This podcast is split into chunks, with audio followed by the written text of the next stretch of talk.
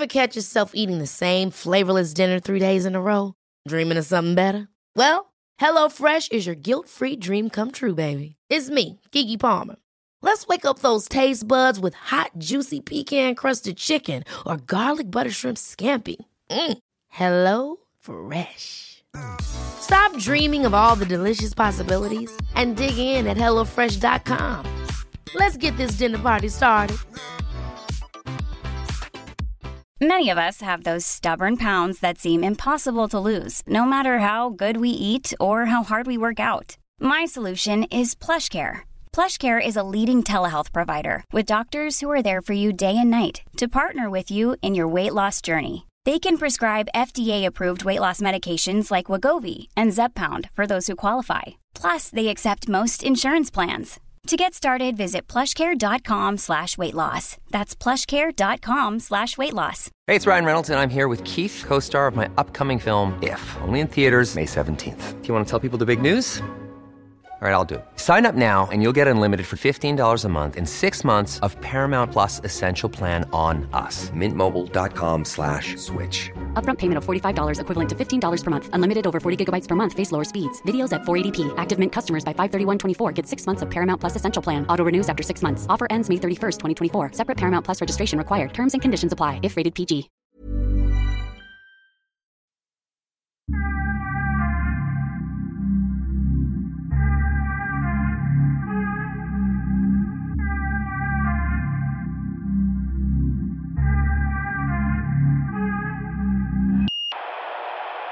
Visst var du från Kungsholmen? Jag är från Kungsholmen, exakt. Alltså född och uppvuxen i Kungs Kungsholmen? Född på Fridhemsplan, uppvuxen på Torhusplan.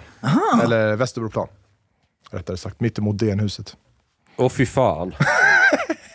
Ursäkta att jag svär, det kanske, jag vet inte. Jag, jag kommer inte säga någonting om sånt. Du får svära så mycket du vill. Jag får, okej, bra, bra. Men okej, och, sen, och sen vilket fotbollslag höll du på? Djurgården. Var det det som radikaliserade dig? Eh, så Jag skojar, jag säga. skojar. Men, men okej, du, du är kungs... Hur, hur gammal är du? Jag är 85 85 Exakt. Så du fyller ish 37, 38? Jag fyller 38 år november. Ja. Och sen råkar du bara på ett bananskal hamna i Saudiarabien. Typ. Det finns några saker däremellan om man så säger. Så du eh, gick till skolan på Kungsholmen också? Ja, jag gick eh, först Fridhemsskolan, sen eh, Rånshovsskolan och sen Kungsholmsgymnasium. Och det var inga, inga invandrare där? Eh, Fridhemsskolan nej, i princip alls. När jag gick i lågstadiet, mellanstadiet. Var några enstaka som började där. Torils, eller Ranshovsskolan, några som kom från förorter, men det var inga så här lokala invandrare om man så säger. Kungsholms gymnasium var lite blandat. De har ju en sån här IB-linje, eh, diplomatbarn som går där och så. Sen, eh, men väldigt, väldigt få. Alltså. Väldigt få. Då var det väl kanske så här medelklassinvandrare från innerstan och så. Vad gick Men du för... Då? Och Sankt Eriks, där var det ganska tätt va? Där, där var det lite mer, ja. Kungsholms gymnasium, vad ska man, lite så här finare om man så säger. För Eh, Fridhemsplan är lite som Stockholms Qatar, eller flygplatsen. he, he, ja, men hela Storstockholm rör sig genom Fridhemsplan. Det är som Ja. Qatar, hela världen rör sig i den här flygplatsen. Ja. Det är faktiskt sant. Du ser varenda nationalitet, varenda religion, varenda livsstil på den här flygplatsen. Ja, det är därför, alltså Västerbroplan, där kommer man undan lite grann. Så där är det inte riktigt så. Förutom i Rånshovsparken på, på sena kvällar under sommaren. Då kan det alla så, så ganska vit uppväxt. Eh, väldigt vit uppväxt skulle jag säga. Mm. Ja.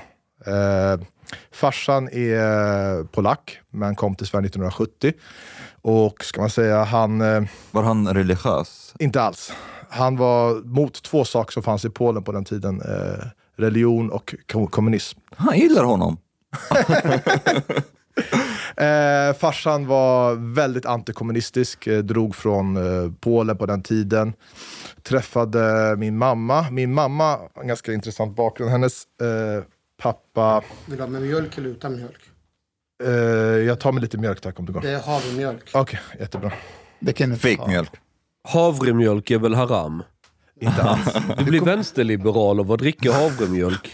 Ja, jättegärna. Med mjölk. Äh, men lite mjölk. Eh, min morfar jobbade faktiskt på slottet med kungen. Så han var liksom åt vad ska jag säga, lite mer konservativa hållet så.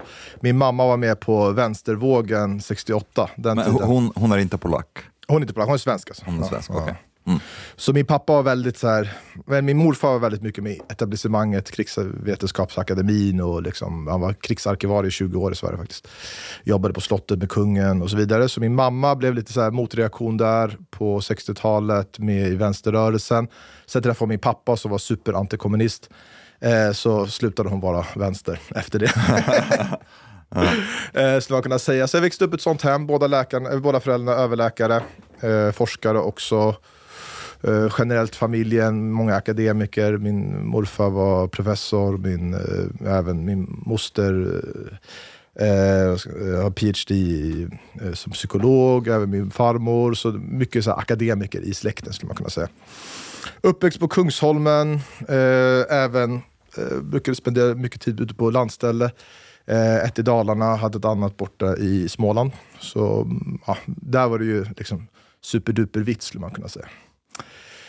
Så det är så jag växt upp. Eh, vi brukade resa mycket med familjen. Eh, åkte till olika länder. Där såg man att världen inte såg så, likadan ut så som den gör eh, på Kungsholmen. om man så säger. Det födde en del frågor inom mig. Blev intresserad av att eh, läsa och studera, lära mig om andra religioner, civilisationer och så vidare. När var det ungefär? Det här var tidigt 2000-tal. Jag blev muslim 2002.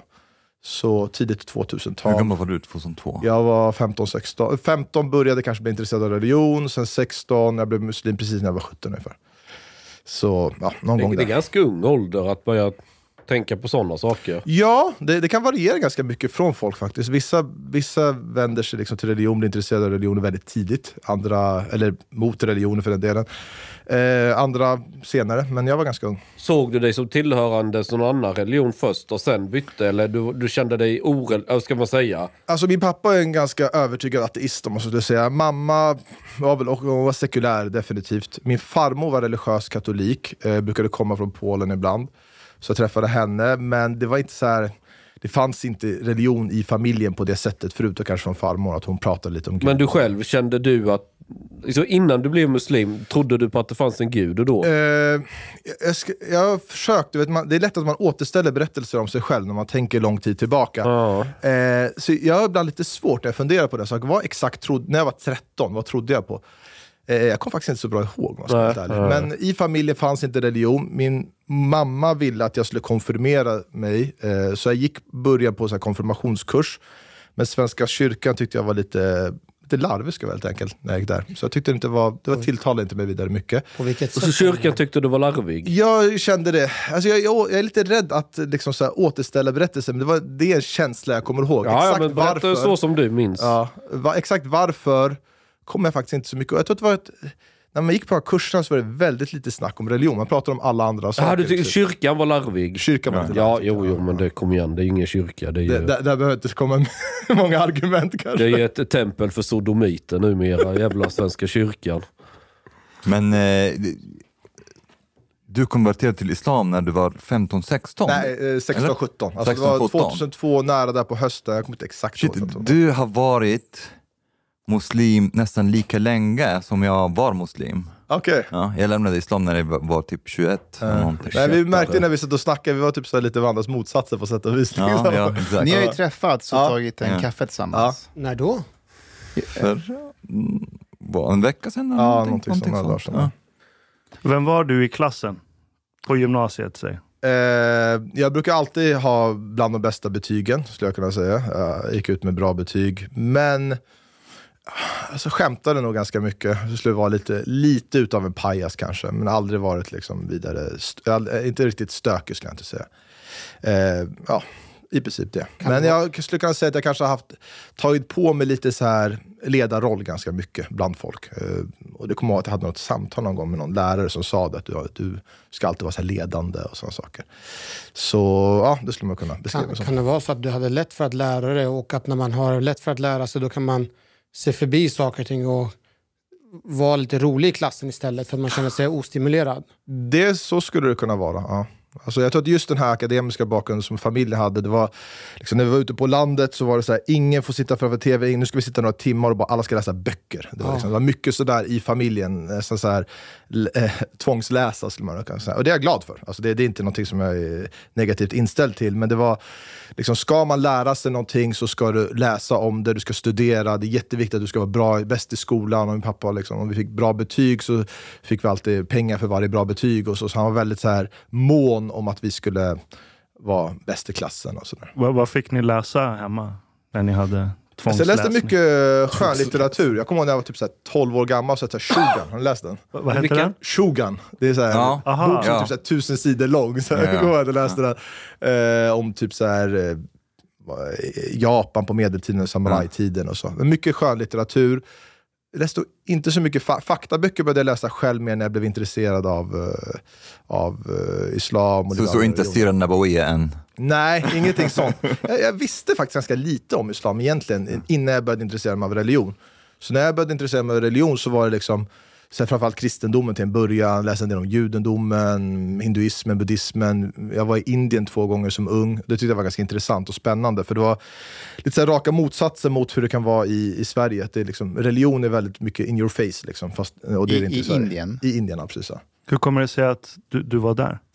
Eh, farsan hade en, eh, det var en läkemedelskonferens eller någonting som han var på, så åkte vi dit. Eh, vi åkte en gång, min pappa har tagit alla oss barn på en resa var, så jag var där första gången jag var någonting 10, 11 någonting, och sen var den när jag var 15 också. Och då var den resan som jag tror att den liksom påverkade mig lite mer. Att man liksom, det, det är så annorlunda där. Nu var jag där sen min farsa för några år sedan igen, och då har det ändrats, det har liksom verkligen blivit mycket mer välstånd i landet om man så säger. Men på den tiden var det så här, man gick runt och folk hade spetälska, med så här, gick fram till ens bil och så, här, utan fingrar. Och det var liksom, det var väldigt så här, det var en chockerande resa skulle man säga, jämfört med hur det är att bo i Sverige. Eh, men då, då var det också liksom, så här, tempel överallt, moskéer, liksom, det, det, religion fanns på ett helt annorlunda sätt där. Så jag tror att den, den biten hade en, en roll att få mig intresserad av religion överhuvudtaget. Mm. Tror du om det hade varit så att du hade växt upp och den religionen inte hade varit lika närvarande här hemma i Sverige, tror du att du hade, haft, hade fått samma intresse ändå när vi var ute och reste? Eh, hur, hur menar du då exakt? Alltså? Jag, jag, jag bara, i, I mitt huvud så tänker jag mig att när du varit ute och rest med dina föräldrar, det blir så tvär kontrast med hur Ja. saker och ting är i Sverige. Ja. Det, är så, det är så olikt. Exakt. Det är samma sak med många som är intresserade av öst. Mm. Öst är så olikt i förhållande till Sverige och det gör i sig att man är Kont- intresserad. kontrasten, det, det tror jag definitivt. Att kontrasten kan ha påverkat mig att få upp intresse. Så hade jag växt upp till exempel i Polen där det är ganska mycket religion, så hade, fast det är, liksom, det är Maria-statyer istället för Ganesha-statyer, liksom, så hade det kanske inte blivit den här kontrasten. Men i Sverige blir det en ganska stark kontrast. Liksom. Hur många, hur många var ni i familjen? Syskon och så? Eh, jag har en brorsa och en syrra, de är båda äldre än mig. Okej. För jag tänker lite grann, när jag växte upp, och jag vet inte ifall det var samma sak för dig Mustafa och dig Omar. Vi, vi, jag växte upp med religionen. Alltså, Okej. när jag växte upp, jag, jag har aldrig riktigt förstått, men det har aldrig varit en diskussion att Gud finns och att jag är muslim och att jag ska be. Det var ju en självklarhet. Och kont- kontrasten blev ju när jag kom till Sverige att det var ju fri från religion.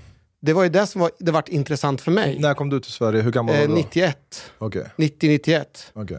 Och då var ju jag liksom, eh, religionen var ju liksom, liksom runt omkring en helt och hållet. Fram till dess menar du? Ja, Ja. Och, och det gjorde sig, alltså Sverige var liksom avgick på så sätt och det var, i sig var intressant. Mm. Ja, det kan jag verkligen förstå. Ja. Jag, tror att den där kontrasten spelade en, en viss roll, tror jag definitivt. Och det, det är som sagt, det är inte helt lätt att återge exakt scenariot, vad det var man och tänkte. Jag går tillbaka till vissa gamla mejl jag skickade på den tiden och så. Men ja, det, det var en, en känsla som växte upp under den tiden.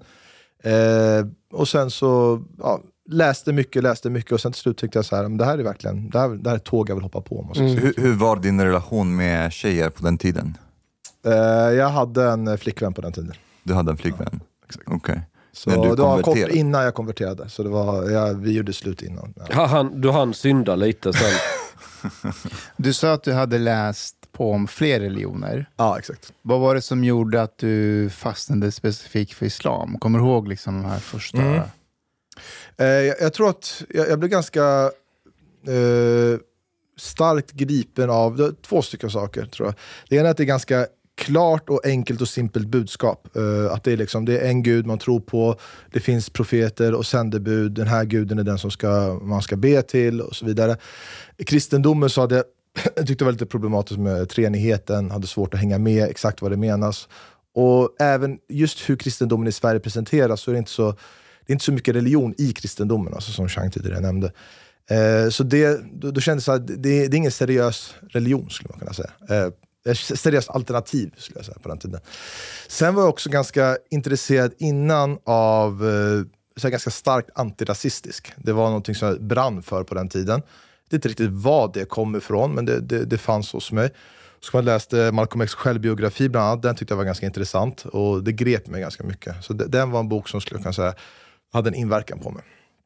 Var det en gradvis process eller? Det var definitivt. Det var inget, det var inget liksom vakna upp som frälst på morgonen. Nej. Definitivt inte. Utan det höll på, skulle säga att jag kanske läste jag tror ett år eller någonting innan om, och då, om olika religioner, men sen stegvis om islam senaste månaderna innan och sen var det liksom, ja, Vi, vi, vi verkligen har haft omvänd process. Ja. Jag hade samma process men tvärtom. Det är Exakt tre år tills Ja. jag lämnade. Men hur, hur var det att det- du bestämde dig att ja, bli muslim då? Mm. Men hur var din familjs reaktion, dina vänner? Dina flickvänner. Det är flickvänner, det du har- plural där. Han, han fick ha max fyra. det där kom senare. Ehm, ja, alltså till en början så berättade jag inte för min familj faktiskt. Eh, det var, jag var ung eh, och jag vet inte riktigt vad, alltså min pappa var ganska anti-religion skulle man säga. Eh, det fanns ganska starkt och även när jag blev muslim så blev det en stark reaktion från min pappa.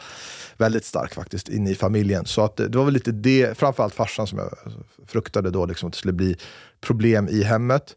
Så det kom fram med, mer med tid. Liksom. Jag kommer ihåg att min brorsa kom in i rummet en gång när jag bad. Så sa han så här, när jag var färdig, han satte sig bara framför datorn, så sa jag så ah, Allahu akbar. Så ingenting, ingenting mer. Kan du berätta om Eh, hur det tog sig uttryck med, med din pappa? Alltså hur gick diskussionerna? Hade ni, hade ni, alltså pratade ni och diskuterade ni eller var det bara Alltså skrik? han, han, ja, det var lite, li, lite höjd röst skulle man kunna säga. Eh, sluta snacka med mig under en lång tid. Alltså det var typ, vi bodde hemma under samma tak, men han ville inte prata med mig. Hur lång tid pratar vi? Jag tror att det var, alltså, några ord sades väl här och var, men det höll på under några månaders tid. Alltså. Så det var, det var en, det var en, eh, det var en jobb, jobbig tid skulle man kunna säga under den tiden. Är det den jobbigaste tid du har haft med din pappa? Det tror jag. Alltså nu är min relation med min pappa superbra. Liksom. Så vi har jättebra kontakt. Vi reser alltid en gång per år. Så är så här, pappa och son resa, så reser vi till något land och är tillsammans. Eh, När vi träffas, vi, har liksom, vi tjafsar aldrig. Liksom. Så vi har jättetrevligt. Men under den tiden, det var... Jag vet inte riktigt varför han reagerade så starkt just mot islam. Det var inte så att han, jag kan ju förstå, vissa av er kanske haft så här familjer som har haft traumatiska upplevelser eller dåliga upplevelser från muslimer och så vidare från deras hemländer. Han har inte haft det på något sätt. Liksom. Polen fanns det inte muslimer i princip. Utan det var mer religion i sig. Sen mycket snacket som gick under den tiden. Det här var 2002, ett år efter 11 september. Så islam liksom, hade Ah, väldigt... intressant, det var ett år efter 11 september. Ja. Hur tänkte du där? De, de, de flesta hade en negativ reaktion till, till islam efter det, men du konverterade istället. Ja. Eh, alltså jag, jag, jag It's that time of the year. Your vacation is coming up. You can already hear the beach waves, feel the warm breeze, relax, and think about work. You really, really want it all to work out while you're away. Monday.com gives you and the team that peace of mind. When all work is on one platform and everyone's in sync, things just flow wherever you are. Tap the banner to go to Monday.com. Hey Dave. Yeah, Randy. Since we founded Bombus, we've always said our socks, underwear, and t shirts are super soft. Any new ideas? Maybe sublimely soft. Or disgustingly cozy? Wait, what? I got it. Bombas. Absurdly comfortable essentials for yourself And for those facing homelessness. because one purchased equals one donated. Wow, did we just write an ad? Yes. Bombas. Big comfort for everyone. Go to bombas.com slash ACAST and use code ACAST for 20% off your first purchase. Påverkades väl inte så mycket av den händelsen i sig. Alltså jag kommer ihåg när den händelsen skedde så var det en chock för alla. Det var ju en väldigt stor händelse och så. Men då hade det ändå lagt sig någorlunda ett år efter. det var ju mycket dålig media coverage. Alltså när jag var barn så hörde man typ aldrig om islam. Alltså innan 11 september så var det väldigt lite snack om islam i skolan och så. Nu så går det väl knappt en dag att öppna upp media förutom att ordet islam muslim nämns. När jag, innan 11 september så var det Alltså det, det, det fanns inte riktigt på kartan. Men det fanns inte många muslimer här i Sverige heller för 20 år Nej. sedan. Jo, det, Ja, det fanns. Iranier räknas inte. Alltså, turkar var ju, alltså eh, själva liksom skällsordet som man go to go var ju turkar. Ja, det var Ja. Det var det man kallade, all, alla som kom från Mellanöstern var turkar. På den Och det var någonting som turk på burk och... Ja, ja. Många från Balkan, Bosnien var ju muslimer. men Men både turkarna och Bosnien är väldigt sekulära. Ja, det är sant. Så då, de pratar ju inte Det islam. beror på vilka turkar dock. Eh, Men det var det allmänt, skällsordet var turk. Hörru du, stick hem din turk. ja, ja, men det betyder, det betyder kanske tvärtom, men det var inte så många muslimer. Folk förstod Nej, men inte. islam var inte stigmatiserat överhuvudtaget. Nej. på den Alltså det, jag, tiden. tror att jag läste förordet till Koranens budskap, översättningen av Koranen, som Mohammed Knut Bernström, han som översatte den, skrev 98. Han skrev ett förord 98, ett 2002, då skrev han 350 000, ungefär 350 000 muslimer på den tiden. Eh, Så det fanns ändå några hundratusen muslimer på den tiden, eller muslimsk bakgrund, det ju inte riktigt då, 350 000? på den tiden. Det vi har att göra med då, det Ja, Somalier hade kommit på somalier, 90-talet. juggar, Eh, juggar iranier. iraker. De räknas väl antagligen in. Ja, nej, alltså Iraker kom ju också på den tiden. Det började ju under, under Gulfkriget. Så började man komma. Många kurder kom på den tiden också, eh, Mm. från Gulf, Gulfkriget. Så det, det fanns en hel del. Alltså. Jag Jag kommer ihåg att vi, vi hade tyst minut på, i, i skolan efter 11 september. Hade ni också ihåg det? Ja. Och Var du med på den? ja, det var jag nog. Ja, du var det? Ashkan, reste du dig ut och gick och sa att det var hyckleri att det är tyst minut för 11 september men inte för barnen som dör i Irak? Jag, jag reste mig inte ut och gick, men jag tänkte på det. Det, det blev en Det kognitiv kommer ihåg att folk reagerade det på. att Man snackade, jag kommer ihåg att det snackades om det i klassen faktiskt. Eh, efter. Eh, och då var det faktiskt en kille som hade min klass som var typ så högerextrem. Som tyckte det, han var emot USA generellt, men han tyckte det också var så hyckleri. Liksom. Ska vi bry oss så mycket om USA och det händer i andra länder saker och så vidare. Men jag förstår, var det, det det, en var, det var högerextrem som sa det? Som hade det argumentet? Ja, faktiskt. Mm. Omar, hur firade du 11 september? Ehm, Det är en eh, seriös fråga. ja, För det firar jag. ja, eh, ja, jag blev, alla blev glada då. Men var det dela ut kakor och fick vara uppe sent på natten? Spela Nej, inte- Microsoft kanske. Flight Simulator. Kanske, Vad åt ni? kanske, kanske inte så på den nivån, men, Man åt, man åt flygande Jakob. Men det, det kändes som en seger för alla. eh, i, För alla. För, I Allah, Ja. ja. ja. I Egypten, folk blev glada. Mm. Ehm, Så var det för Folkets Mujahedin också. Att vi, det, det firas ju ordentligt liksom. De var på det sättet alltså. Ja, ja, ja. För nu, alltså, nu senare år så har de fått lite hjälp från USA har jag förstått. Alltså det, ja, ja men man har alltid... tiden var man Man har alltid varit antikapitalistisk och Ja, anti-väst om man säger. an- Anti-USA. Okej, för Jag- protokollet måste jag säga att det var inte därför jag tvekade. Det var bara att jag var autist och tyckte inte det gick ihop. Sen växte jag upp och insåg att det är en kultur som är närmare oss. Ja. Det är såklart man Exakt. känner medlidande. Det är bara så men vadå, är, är alla i Mellanöstern antikapitalister? Muja- jag sa att. Mujahedin var det. Folkets. Mujahedin. Och de var speciellt a- a- antiimperialister För och typ mot USA. alla från Mellanöstern är ju typ matthandlare och står och... Alla är inte matthandlare. det, det finns vissa andra yrken där också. Ekonomi hade inte gått runt med ett gäng matthandlare. Kameluppfödare då. Mustafa, du var på väg att säga något. Ja, jo, men eh, eh, din relation med din pappa, vad, var det så, eh, vad var det som gjorde att ni liksom lappade ihop det igen? Hur gick den processen till? Eh, alltså, vi började ju prata tillsammans, men sen när jag åkte till Saudi så var den fortfarande ganska dålig. Eh, min mamma dog sedan 2006. Efter det så började den repareras stegvis. Sen var han och hälsade på mig i Saudi eh, tidigare. Och jag tror att han, han hade tanke att när jag flyttade till Saudi... Eh, När var det? Jag flyttade dit 2005. Så Oj. var 19, 20, Ja. något sånt. Shit! Shit. Du är ju fan mer galen än vad jag är. Det är nog ganska svårt. Ja, jag sa... Ja. Eh, ja, I alla fall, så jag tror att han, han trodde liksom så här, nu, nu, från ett rent så här materialistiskt perspektiv, nu har min son verkligen gått ner sig. Liksom. Så han bodde i Sverige, här är bra, och nu nu ska han, så som Chang tror att folk är kameluppfödare borta i, i, i Mellanöstern. Vilket inte i sig är fel. Nej, jag säger inte att det är fel, men jag tror att eh, om man tänker så här, men nu, nu har du växt upp i ett hem med två överläkare inne i innerstan i Sverige och så ska du bli kameluppfödare borta i Saudi. Det, det tror jag att vissa personer skulle tycka att det var lite mindre, mindre inspirerande. Eh, Fast kameluppfödare idag, då blir du ju skitrik. ja, kanske. Speciellt om det är rätt ras. Ja. Men finns det olika raser bland kameler? Ja, ja, 100%. Det är som hästsport Är- är du- här. är du Folk är helt rasist? obsessed. men, men, Kamelist. Varför just Saudiarabien? Det finns ju flera länder i Mellanöstern.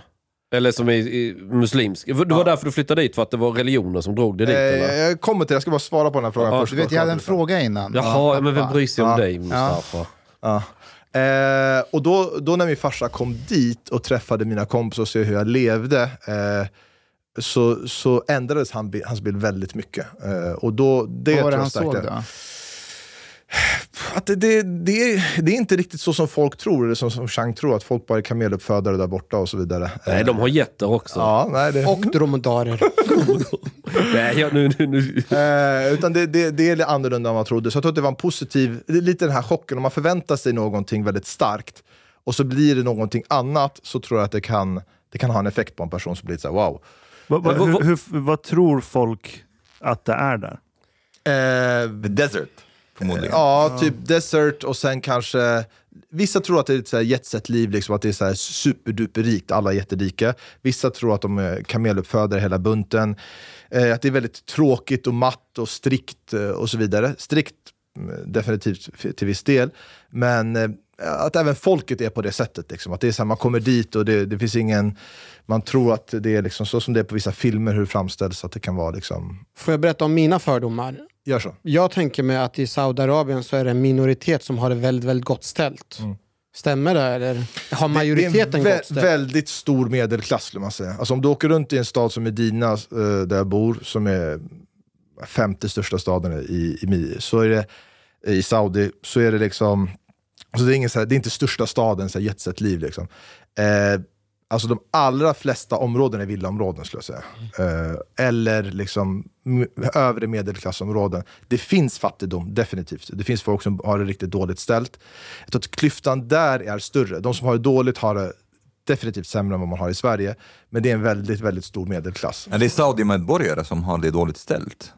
Det finns också. Ja. Det, det kan vara till exempel beduiner, folk som har levt på det sättet, flyttat in till städerna, eller folk som fortfarande lever liksom, lite utav den livsstilen skulle man kunna säga. Det gick väldigt snabbt i Saudi faktiskt. Från att Alltså jag, jag var hälsade på en kompis där borta. Eh, han gick och visade mig hans pappas hus, där han kommer ifrån. Eh, det var små lerhus som låg i en oas.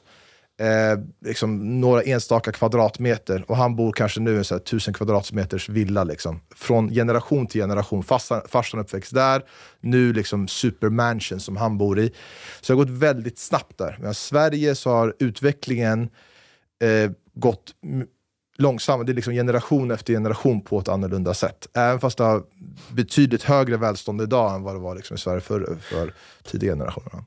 Du har fått lära dig arabiska då om du ska bo där? Ja, precis. Jag började lära mig arabiska redan i Sverige. När man är ung och lär sig språk så går det oftast lite snabbare. Hur, hur reagerar folk när de ser en Svennebanan prata arabiska och odla skägg och knalla runt i Saudi? Eh, det beror på. Borta i Saudi är de superglada. De tycker det är jättekul. Det, det är exotiskt och roligt och sådana saker. Får man ligga mycket? Nej, det skulle jag inte kunna säga. Eh, men eh, där, där är det super, liksom, tycker det är super, supercoolt om man så säger. Men, och, och, Men i Sverige så är det väl, eh, det beror på vem man pratar med. Liksom. Eh, vissa ser väl lite med fasa på det, andra säger aha, oj, wow, vad hände där? men om någon kommer dit som turist, Mm. typ, Du är välkommen. ja men också begriper jag mig inte på regler och seder och lyckas Mm. göra något som man absolut inte får göra av misstag eller du vet. Liksom, blir man hängd i första bästa lyktstolpe eller hur funkar det där? Eh, nej, de, kör, de kapar huvuden faktiskt, inte liksom. Jaha, ah, det, nej, nej. nej, så är det inte. Eh, det, det är mycket, alltså, jag kan säga där är, man, man ser knappt kriminalitet. Det är självklart att det finns kriminalitet så som i andra länder, man känner inte av det på något sätt. Alltså. Här i Sverige Nej. så har man ju liksom till höger och vänster och man smäller portar och skjuter ner varandra på gatorna. Där så, Jag har aldrig någonsin känt mig otrygg där, någonstans överhuvudtaget. Eh, Medan i Sverige tycker jag att man kan inte bara liksom, man går ut i vissa förorter där det kan vara så, utan även liksom, inne i stan på kvällen, folk är fulla och så. Folk går inte runt fulla där. Liksom. Folk, Men, men, men förstår man i. Saudi liksom att folk från Sverige, de är hedningar och kättare och de har ingen religion eller gud och de lever i synden och bla Jag, bla jag, bla. jag kan säga så här, att när jag kom till, till Saudi så var Sverigebilden enormt positiv. Det var jätte, jättebra. Har, har det hänt något där menar du? Definitivt, och det, det kommer jag till senare. Sverigebilden i Saudi var, eh, du är från Sverige, wow, coolt, det, är ett- det är ett fint land, eh, öppet land, välkomnande. Liksom, ni, ni muslimer har väl inga problem där? Och så alltid nej, nej, det är, liksom, det är öppet, fritt och, och så vidare. Nu, om man säger att man är från Sverige, de senaste åren, så är det, ryktet har verkligen gått i botten. Och det är inte bara i Saudi, utan det är typ hela Mellanöstern. Eh, och det är ju lite de här olika grejerna som har hänt sista tiderna med koranbränningarna och mm, även det här snacket om socialen har blivit väldigt stort där borta. Liksom, hur det har framställts eh, i media och så vidare. Jag tycker det är väldigt intressant med Sverigebilden att för ett par år sedan, de som pratade om Sverigebilden var ju vänstern. Som inte ville att Sverige skulle utmålas svart utomlands. Mm. Och högern var den som SD gick ut och skrev till Washington Post på någon debattsida tillsammans och sa hur invandring har förstört Sverige och hur regeringen har liksom bidragit med massinvandring och så. Nu verkar det ha skett ett skifte. Nu är det högern i Sverige som vill försvara Sverigebilden utomlands. När det, när det blir bild av att Sverige är rasistisk, eh, bränner koraner, kidnappar barn. också.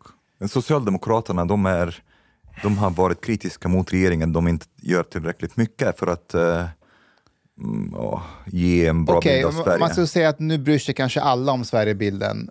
Eh, Utom Jomshof. eh, Okej.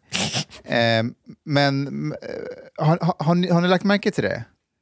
Men är det en Sverigebild av att vi är för yttrandefrihet som högern vill sprida menar du? Nej men kolla innan, i, nej, innan var det ju att, att Sverige är Europas vo- eh, capital rape, du vet. Det- Alla våldtas här. gängskjutningar Det är och- gängskjutningar och du vet. Ja, men så är det ju. Det är ju ingen, det är ingen lögn.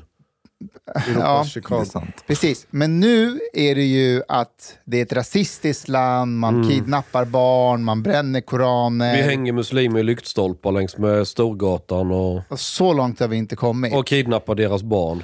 Jag skulle säga så här, Ulf Kristersson bryr sig om Sverigebilden.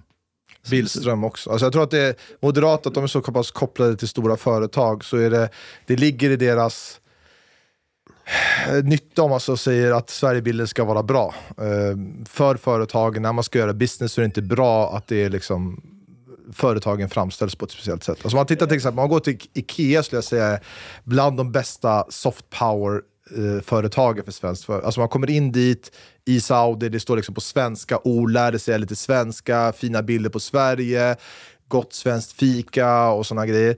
Så de, de är ju med och skapar en bra Sverigebild och vissa andra företag Men, också.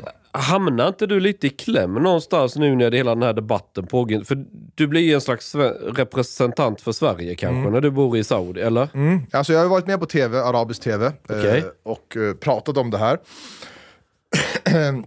I det stora hela har det tagits upp gott, jag kollar på kommentarer, men jag har också blivit, de kallar mig för Lawrence of Arabia. Vad, kallar de? Lawrence of Arabia, att jag liksom har blivit... Har du inte sett jag- filmen, Lawrence of Arabia? Jag är en fake muslim som har gått in och egentligen bara är där för att försvara Sverige och såna här saker. Ja, ja, jag har fått, ja, alltså det var... Så du är svensk spion Jag är svensk spion. Det var en kille... Välkommen till klubben. Tack. Eh, jag blev uthängd. En kille skrev om mig att jag är en spion för CIA och E EEAS. V- vad är det? Exakt. Så jag satt bara wow. Jag, första gången jag blivit anklagad för att jag är spion för någonting jag inte vet. Men det är typ så här, majoriteten för, för EU.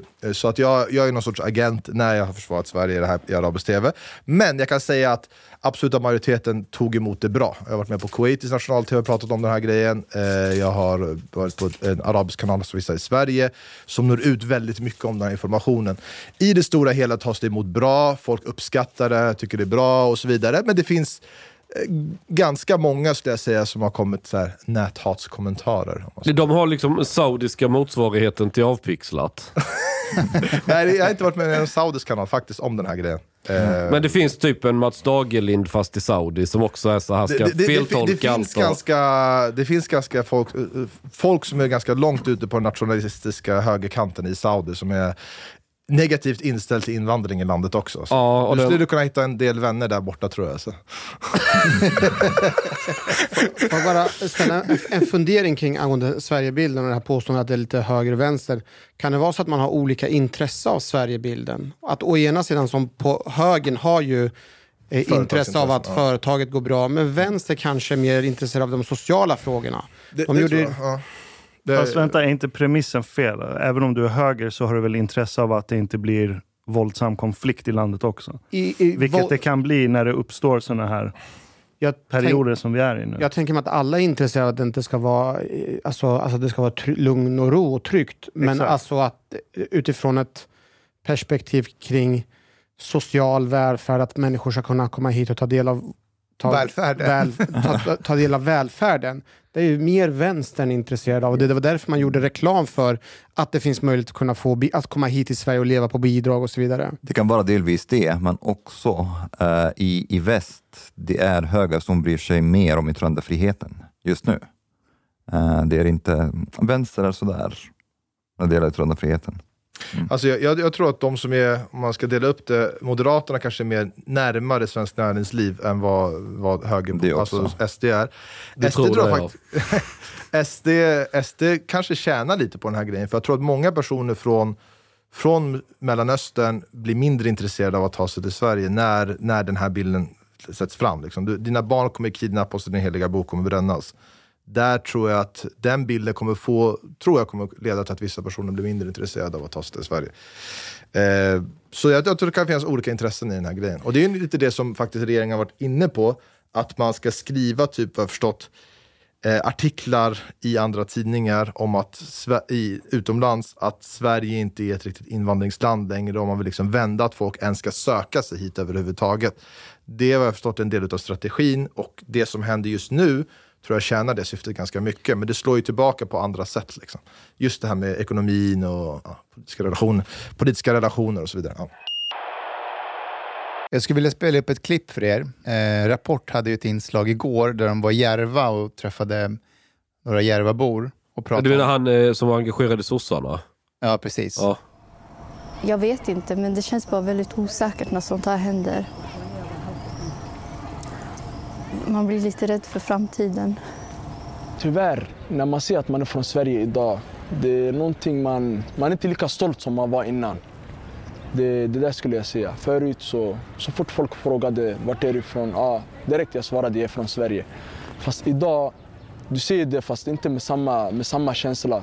Jag själv har, och många andra som jag känner, har faktiskt funderat på att lämna Sverige. Även fast vi är födda i Sverige, vi är svenska medborgare, det kanske är dags att packa. Vi är inte accepterade här. Jag tänker det är några enstaka personer som utför de här koranbränningarna eller skändningarna. Är det rättvist att hela Sverige drabbas av detta? Man pratar väldigt mycket om yttrandefrihet, men är det egentligen yttrandefrihet när man kränker människornas identitet? Det här är ett sätt att spotta på en vanlig människa som promenerar. Salma läser till gymnasielärare. Hon är orolig för att manifestationerna mot Koranen riskerar att drabba unga muslimers självbild och känsla av tillhörighet i samhället. Och hon kämpar för att förklara för eleverna varför svensk lagstiftning tillåter koranbränningarna. Jag har försökt göra i alla fall och förklara vad yttrandefrihet innebär. Varför det finns ett stort tryck på att liksom inte förbjuda det här. Men samtidigt hur det här liksom kan utnyttjas för att attackera minoriteter i samhället. Men jag vet inte, hur förklarar man det i hela samhällsdebatten mot, eh, för liksom små barn? Det är svårt, det är inte enkelt. Eh, n- nej, Avslutar de med adhan där? vad sa du? Avslutade SVT med en adhan där? Ja, det var lite märkligt. Med vad? Adhan, det är Bön. bönetrop. Muslimskt Bön. bönetrop. Jaha. SVT gjorde liksom en outro med ett muslimskt bönetrop.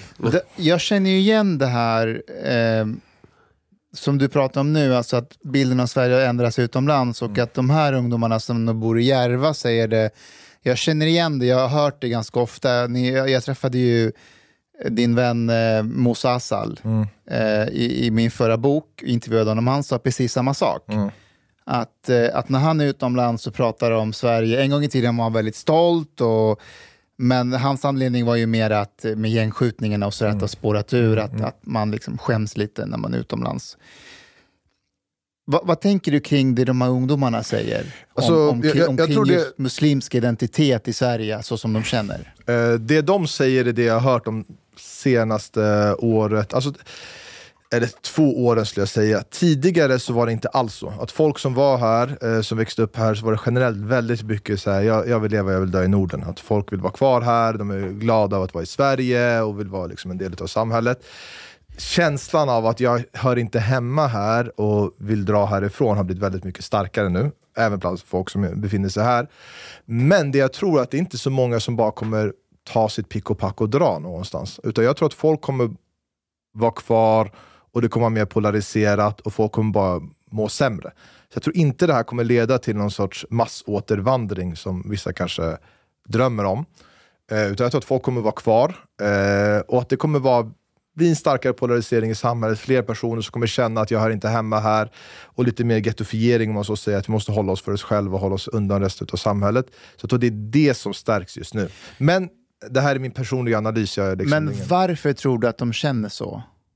Jag, jag tror att det räcker med att man kommer ut på sociala medier och ser hur det snackas om alltså det, det- liksom hatkommentarer som kommer och liknande. Jag såg en, eh, en eh, muslimsk kvinna som är väldigt aktiv inom så, näringslivet och så vidare. Hon har även en organisation där hon eh, för samtal med muslimska kvinnor. Hon är själv muslimsk kvinna och eh, berättar hur de känner i samhället, om de blir utsatta för trakasserier och så vidare. Och hon skrev att 100% av de muslimska kvinnor som har eh, hijab på sig i Sverige har blivit utsatta för trakasserier. Hon känner inte en enda som inte har blivit det. Så jag tror att man känner en sån grej, man får, man får glåpord efter sig, man, eh, om man dyker upp, man blir offentlig på något sätt, om man har slöja eller någonting annat med sin namn, så kommer häcklande kommentarer och folk känner, det, det, det är en stark, det, det är starka liksom strömmar som, som pushar folk att känna att de inte är välkomna här och att de inte har så mycket att göra här och så vidare. Så jag tror att det här med koranbränningarna, det är inte därför folk, för att någon bränner koranen inne i stan, den här salwanen, vad heter det för någonting, att det är så här, nu måste vi dra på grund av det. Jag tror inte det alls. Utan jag tror att det handlar om generella klimatet. Liksom. Att det kan vara, alltså, så som till exempel Jomshof, den positionen han har i riksdagen, att han kan uttala sig på det sättet som han gör som muslimer, det hade varit otänkbart för tio år sedan i Sverige. Men nu är det en verklighet att det är på det sättet. Och det tror jag folk tar åt sig och känner så här, "Jaha, vad ska man göra nu? Liksom. Jag, jag tror att det, det är mest att de börjar fatta att Sverige och svenskarna vill att de ska assimileras i samhället. De blir, ska bli svenskar. Eh, det är mest det. Jag, jag, tror faktiskt inte det handlar om det. Det, det kan vara den känslan du har fått. Jag tror att folk, när det handlar om trakasserier, hot, eh, alltså jag har ju varit offentlig under många år, jag kan inte räkna hur många hot man har fått. Liksom. Folk blir hotade, folk blir påhoppade, folk blir kränkta, någon spottar på en på gatan, spottar på en i ansiktet och så. Det är det som tar på en och inte att det finns folk som vill att man ska assimilera sig till Har, Sverige. har det hänt dig i Sverige? Ja, definitivt. Alltså. Oj. Ja, alltså min fru, jag vet inte hur många gånger, alltså eftersom hon har slöja, men mig som person definitivt. Alltså särskilt på internet, där är det mer. Men att folk kan skrika efter en, slänga saker efter en och så vidare, det är, alltså, det är ju standard. Så på internet blir ju alla hatade. Ja, är det. vilda men där, där är det mer, alltså, många är ju ganska fega, alltså vågar inte, särskilt när det kommer till män. De, de som framför allt blir utsatta, det är tjejer. Eh, alltså muslimska tjejer som har slöja och så. Väldigt många skulle känna sig otrygga att åka in till stan. Medan andra som är inne i stan Ja, känner sig otrygga att åka in. Det där vet jag. Jag, jag, var, jag var ju med i, i det jätteislamvänliga partiet SD för Mm. 10-12 år sedan. Och så hade vi eh, diskussion på en skola, Kristianstad. Och, och jag står och snackade, det var mycket in, alla invandrare där ville gå och prata med mig. Du vet. Så jag står och snackar med dem, för jag är själv lite halvbabbis sådär Mm. ibland. Och så var en tjej med slöja, skittrevlig sådär. Då kommer det förbi någon svensk tjej du vet som trodde att hon var på min sida och, och, och, och liksom sa något så här riktigt elakt hon i slöja du vet. Så här, ska inte du flytta tillbaka bara för du vet sådär. Så jag hamnade helt plötsligt på tjejen med slöja på hennes sida. I hela den här diskussionen och började skälla på den svenska tjejen. Vad fan håller du på med? Så kan du inte bete dig. Det var ett jävla kaos. Men, men Får- Får jag fråga dig, när, Ja. Omar, när du säger att, att anledningen till att de känner så beror på att de har upptäckt att svenskarna och Sverige vill att de ska assimilera sig. Vad menar du med det? Så här, jag, jag tycker att eh, Sverige, regeringen och politikerna, de pratade hela tiden, tiden om mångkultur, multikulturalism och sådana saker. De vill inte ha det egentligen. De vill att folk som kommer till Sverige ska bli svenskar. Och det har inte gått fram till folk som har kommit hit. Så de trodde att ah, de kan komma hit och praktisera islam som de vill och ha eh, sina värderingar och och det kan vara av vad som helst, konservativ islam, vad som helst. Och det kommer vara accepterat av samhället och av, och av regeringen. Och det är inte fallet.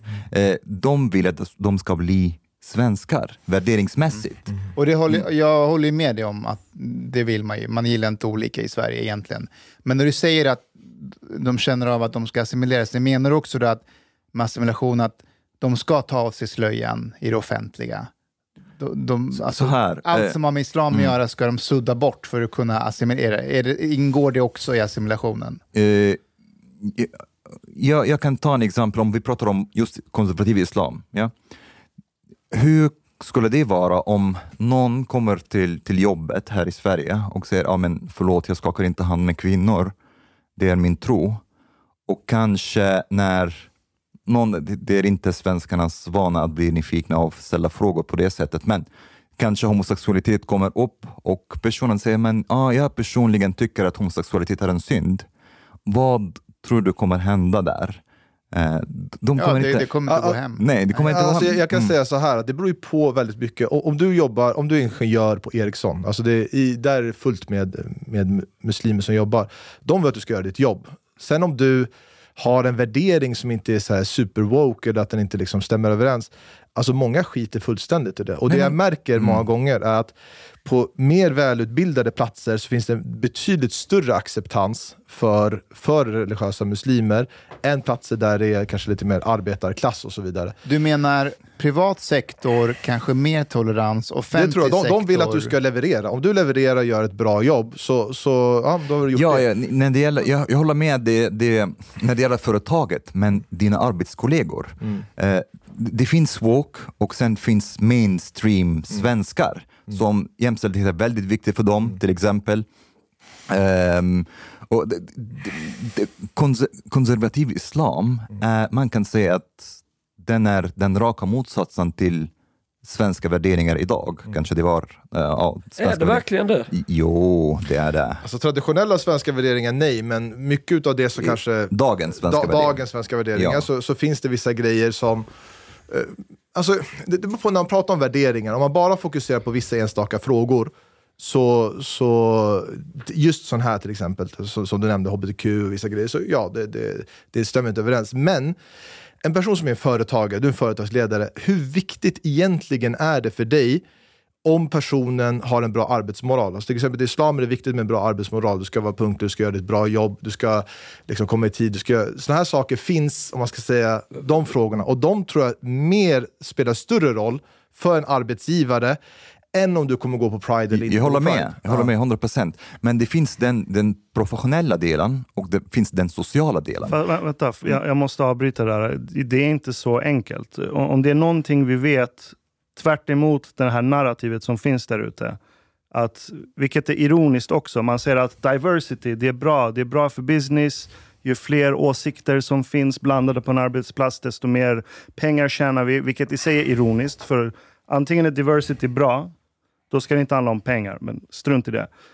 Eh, om det är någonting vi har sett, det är att om det är människor med för åtskilda kulturer på en arbetsplats så förstörs arbetsmoralen. Och jag kan förstå det, för att om jag skulle vara på en arbetsplats där jag vet att det finns en människa som går runt här varje dag, som jag måste prata med, som tycker att mitt barn är en syndare och är ett fel för att den skulle vara homosexuell. Det kommer påverka arbetsmoralen. Vi är människor, vi kan inte säga att ah, men jag kommer till jobbet så stänger jag av alla mina känslor, alla mina band jag har till människor jag tycker om och så gör jag mitt jobb. Det funkar inte. Kanske någon som är gay där, som jobbar där. Alltså, Då blir det ännu mer påtagligt. Det, det, är möjligt att folk känner så, jag kan faktiskt inte svara. Och jag, jag tror också att eh, det du nämner när du säger så här, Sverige, svenskarna och så, jag är lite allergisk mot, mot de här orden när man pratar om det för mycket som ett kollektiv. För att folk har ju skickat signaler många gånger med acceptans och jag tror att väldigt många svenskar är enormt accepterande för personer som kan vara olika och så vidare.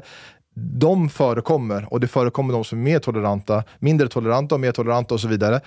Och alltså, jag kan bara prata om de jag känner, men jag tror inte jag känner typ någon vuxen person i arbetsförs ålder som inte arbetar. Jag har kontakt med väldigt, väldigt många personer. Folk är ute i arbetsmarknaden, eh, läkare, ingenjörer, alla möjliga jobbar för myndigheter och så vidare. När jag pratar med dem så verkar de ha väldigt lite problem på arbetsplatsen. Sen kan det vara så att det tisslas och tasslas borta i kafferummet, och så, men de verkar inte ha några problem överhuvudtaget att befordra sig, komma högt upp på arbetsplatsen, göra väldigt bra jobb ifrån sig och så vidare, vara kvar på sin arbetsplats. Så så det, det är en myten, det finns diskriminering mot muslimer i arbetsmarknaden? Nej, det behöver inte vara på det sättet. Eh, jag, jag, tror, jag, jag tror att, så som jag säger, alltså välutbildade personer, välutbildade personer och välutbildade företag, de vill ha att du ska deliver. Du ska komma med, du, ska, du jobbar på Ericsson, du jobbar på eh, liksom ABB, du jobbar på någonstans. Du ska vara en ingenjör, gör ditt jobb. Gör du ditt jobb så klappar jag dig på axeln och du får bättre lön. Tack. Andra ställen eh, så tror jag att de kanske mer lägger vikt vid sådana saker. Om du kommer in i offentliga sektorn till exempel så kommer du lägga mer vikt vid dina värderingar än i privata sektorn. Eh, Ja, det är jag. nog sant. Får jag bara komma med en fundering? Hur ser det ut tvärtom? Om man är eh, troende muslim, hur ser det ut för framförallt många kvinnor att komma ut i arbetslivet och jobba med inom sektorn där man har väldigt mycket Mm. med kunder att göra? En reflektion som jag har haft Mm. är ju till exempelvis i mitt område som jag jobbar, Järva, det är ju väldigt många med somalisk bakgrund. Mm. Men när, sen när jag är ute på restauranger eh, och, och eh, sektorer där man har med kundservice att göra, det är väldigt få gånger man ser Mm. eh, somaliska kvinnor överhuvudtaget. Hur ser det ut där? Finns det också från det muslimska perspektivet också en begränsning att man inte ska ge sig ut där? Hänger du med på min Mm. fråga? Ja, jag Så att det med. kanske är Mm. lätt ibland när man ger sig in i sektor där det är välutbildade ingenjörer, Mm. där mannen oftast kan jobba. Men utifrån ett kvinnligt perspektiv och med lätta jobb Mm. så ser det annorlunda ut. Det, det, det kan vara så att det kan finnas ibland att muslimer begränsar sig själva till när det kommer till vissa arbetsmöjligheter. Så du kommer inte hitta en muslimsk kvinna som jobbar på en bar till exempel. Och vissa arbetsplatser så kommer man eh, kanske undvika det.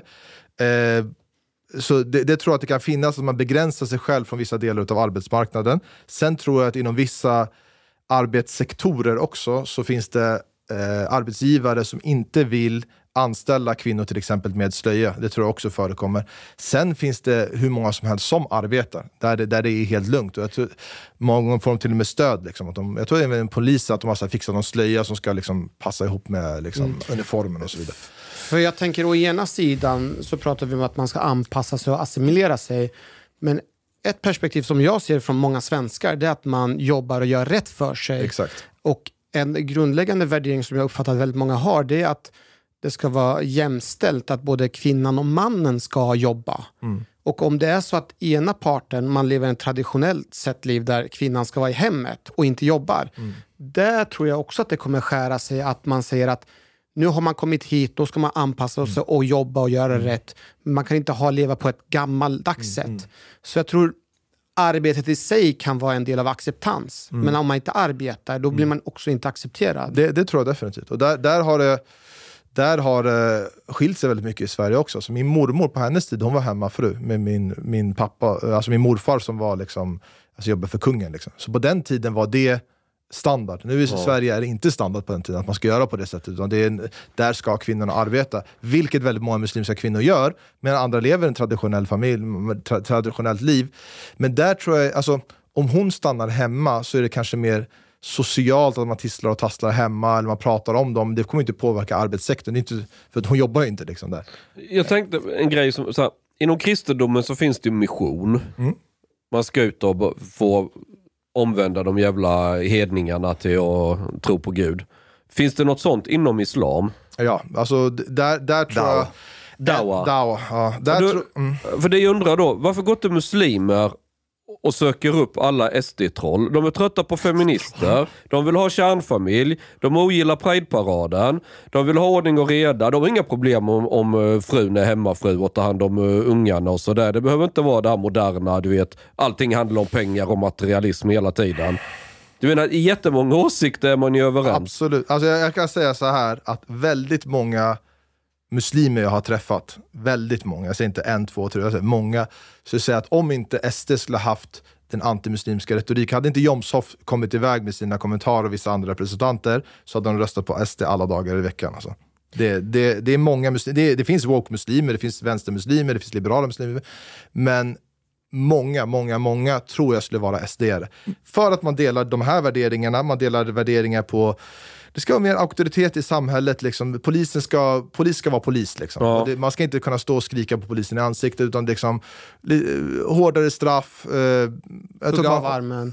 ja, Nej, det, där kanske man inte själv kommer överens. Ja. Vi, vi Men- pratar nu om så här vanliga sunt förnuft eh, muslimer som inte är aktiva i politiken, inte så här Rashid Musa woke eh, muslimer som är Malcolm X aktiva i politiken. Alltså, är Rashid Musa muslim på riktigt? Eller? Han är muslim. Han är muslim? Ja, För jag han är- träffade honom, den, jag såg honom, eh, det här, di- vad heter det, dialogiskt. Var det inte det vi var och Ja. tittade? Mm. Och Rashid Musa var på scen. Han lät som den mest vänsterextrema, liksom, knarkat woke-ideologi. Jag bara, du, du, du är ju inte muslim, sa jag till honom. Han, han har woke.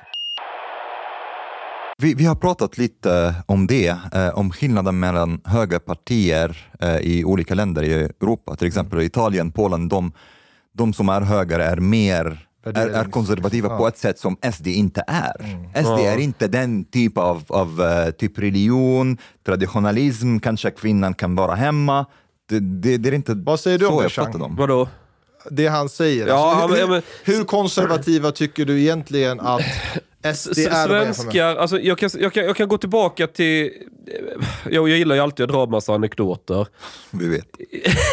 Jag stod en gång på SD-möte i Kristianstad, vi snackade 2010 eller något, och folk var jättesura på att men se de här jävla hucklarna, du vet, folk, tjejer med slöja.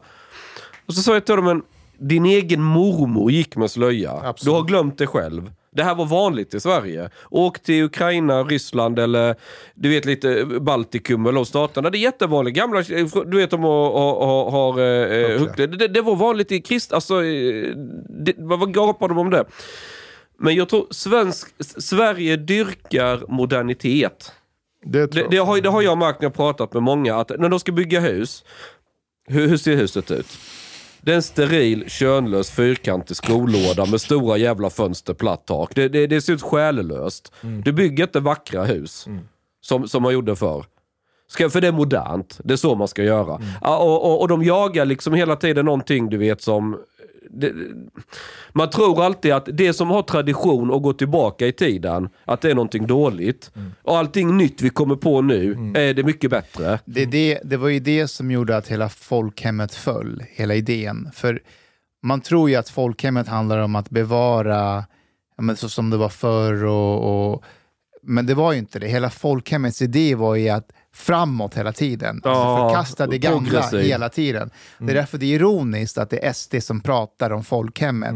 För folkhemsmänniskor från den tiden, om de hade hört SD, så hade de sagt vi ska inte gå bakåt, vi ska gå framåt. Så det finns en paradox. Du har rätt. Man, men, men tror man- inte att det har börjat vända lite i Sverige när det har blivit för modernt? Liksom. Man Ja. börjar liksom släppa Ja, ja. på för mycket tradition. Att folk längtar tillbaka till, till äldre, äldre liksom, Ja men det var ett, det, det alltså. var ett, alltså när du har ett samhälle, jag, har hamnat lite mitt i skitstormen i den här debatten, men en grej som jag har sagt till många som har frågat mig sådär liksom, du vet, eh, varför Sverige är som det är, det är att i Sverige finns ingen gud. Mm. Svensken förstår inte människor från andra delar av världen som blir upprörda eller åsikter och, Mm. och, och, och sådär. De förstår inte en person som går till kyrkan en gång i veckan. Det är för dem helt galet. Vad, vad gör du i kyrkan? Det Där skulle jag säga storstad Stockholm. Alltså, jag, jag hade ju vårt jag nämnde att vi hade ett landställe borta i- Dalarna och ett i Småland. Och det, finns Småland ju ställen, där, där, det finns ju ställen i Sverige där man fortfarande har kvar gudstro. Och Det är Ja. därför jag är lite det här, när man säger svensken, vad man exakt menar. För de där är ju superblonda liksom, Medelklassen. Ja, alltså, och där är de, att gå i bibelskola där, det är standard. Alltså. Jag snackade med en tjej som växte upp i en stad där borta, så att alla i min klass, alltså svenskar, var, trodde på Gud. Eh, Så att jag tror att vissa delar utav Sverige så är det vanligare, alltså där det är frikyrkor och så vidare. Men eh, storstads Stockholmssvensken så är det... Ja. Ja, men, men fortfarande om vi tar i, på, på nationsnivå, Sverige jämfört med Saudiarabien. Det är väldigt, väldigt stor skillnad. Eh, Definitivt. De är raka motsatser till varandra. Och jag... Jag, jag tror För att om, mig- man alltid, om man alltid ska nämna ordet raka motsatser, Mm. så tror att man ska specificera vad man är raka motsatser av. För att vi som människor är överens om väldigt många saker. Så jag tror att om, om man bara fokuserar på vad vi inte är överens om, om man tar liksom tre, fyra, fem frågor som vi inte är överens om. Det är inte all- fler än så. Nej. Du skojar, jag skojar. Nej, men jag menar bara att alltså, vi, vi som människor är väldigt lika varandra på många plan. Man skulle kunna sätta sig, om man ska måla upp saker, ja, men vi, vi är överens om det här och det här och det här och det här och det här. I slutändan så finns det många saker som vi alla är överens om. Alltså, vi vill ha vi vill ha lugn och ro och våra barn ska kunna växa upp. Och man, eh, alltså, Jo, men, men, men det är för olika kulturer. Till exempel om vi tar synen på religion, sekularism till exempel, eh, rättigheter generellt. Det är i, i, ehm, i, i, i Mellanöstern, det finns mycket som kommer från sharia, även om det är eh, alltid baserat bara på sharia. Ehm, ja, synen på, på Gud, jämställdhet, ehm, det, det är mycket eh, som, som kommer leda till friktion och det har lett till friktion. Och jag ser ingen väg framåt att det kommer bli frid och fröjd egentligen. Eh, jag tror inte att de flesta svenskar eller eh, det, det finns ingen eh, stor minoritet i Sverige som vill, som längtar tillbaka till någonting som eh, liknar ja, religiös fundamentalism. Det skulle jag inte säga. Alltså jag, jag jag tror att det, det är från två olika håll. Det handlar dels om vad, hur mycket samhället kräver från minoriteter att de ska assimilera sig till någonting. Eh, och dels vad muslimer eller de som är religiösa eller konservativa är redo att kunna göra avstamp ifrån om man så säger. Och att, man tar till exempel USA som land. Eh, tittade på de som har bäst lön i, i USA, det jag tänkte direkt att det skulle vara liksom caucasians, vita, det är indier. Och de är hinduer till, till stor del och det finns en del muslimer bland dem. De har Silicon Valley, det är fullt med dem och, och så vidare. I USA generellt, då kan du ha din Chinatown, du kan ha din Koreatown, du kan, du kan ha dina värderingar, du kan ha dina... Liksom, judar har levt där under en väldigt lång tid. Alltså, titta i så här Brooklyn och andra ställen där de har sina communities och så vidare. Men de är väldigt bra medborgare om man så säger när det kommer till vad de bidrar med till samhället eh, och, och liknande. Alltså judar har gjort, alltså, de har väldigt höga positioner och gör mycket, mycket för landet om man så säger. Så det handlar mycket om vad är, det, vad är det vi ska kunna vara överens om? Vad är egentligen viktigt? Är det det här lite som har funnits i Sverige förut med husförhör? Liksom? Ska jag veta exakt vad har du för värdering egentligen? Vad tycker du om den här saken? Du måste nästan fråga ut personen om det. Eller om det är till exempel så, vi pratar om det här med att man har en homosexuell person på jobbet. Om en muslim anser att så här, ja, men det här är en synd, det här anser jag vara synd, men jag, det här är någonting jag anser själv, jag skulle inte göra det själv. Men min kollega Robert som är homosexuell, han, jag jobbar jättebra med honom. Han, jag, på samma sätt som jag anser att en annan person som har en flickvän också syndar med det här, men vi kan jobba jättebra tillsammans.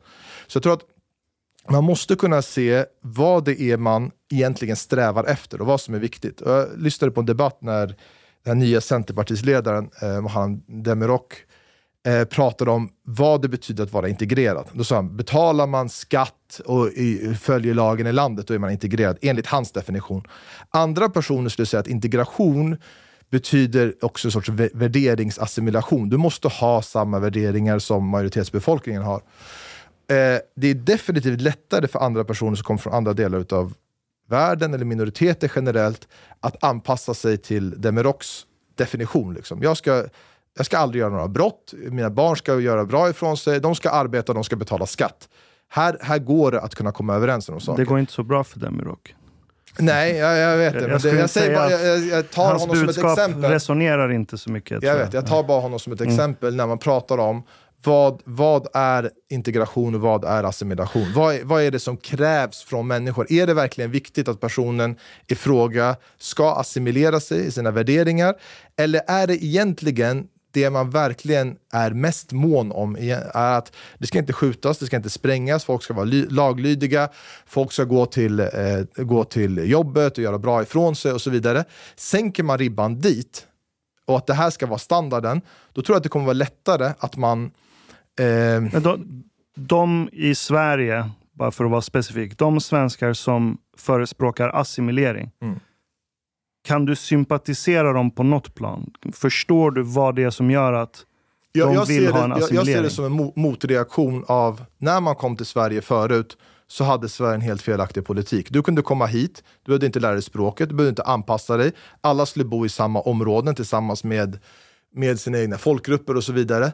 Och det här var fel. Det man gjorde på den tiden var fel. Och det ledde till en generation av personer som växt upp där eh, föräldrarna inte har kunnat så bra om språket, inte kunnat kulturen, inte kunnat vissa saker.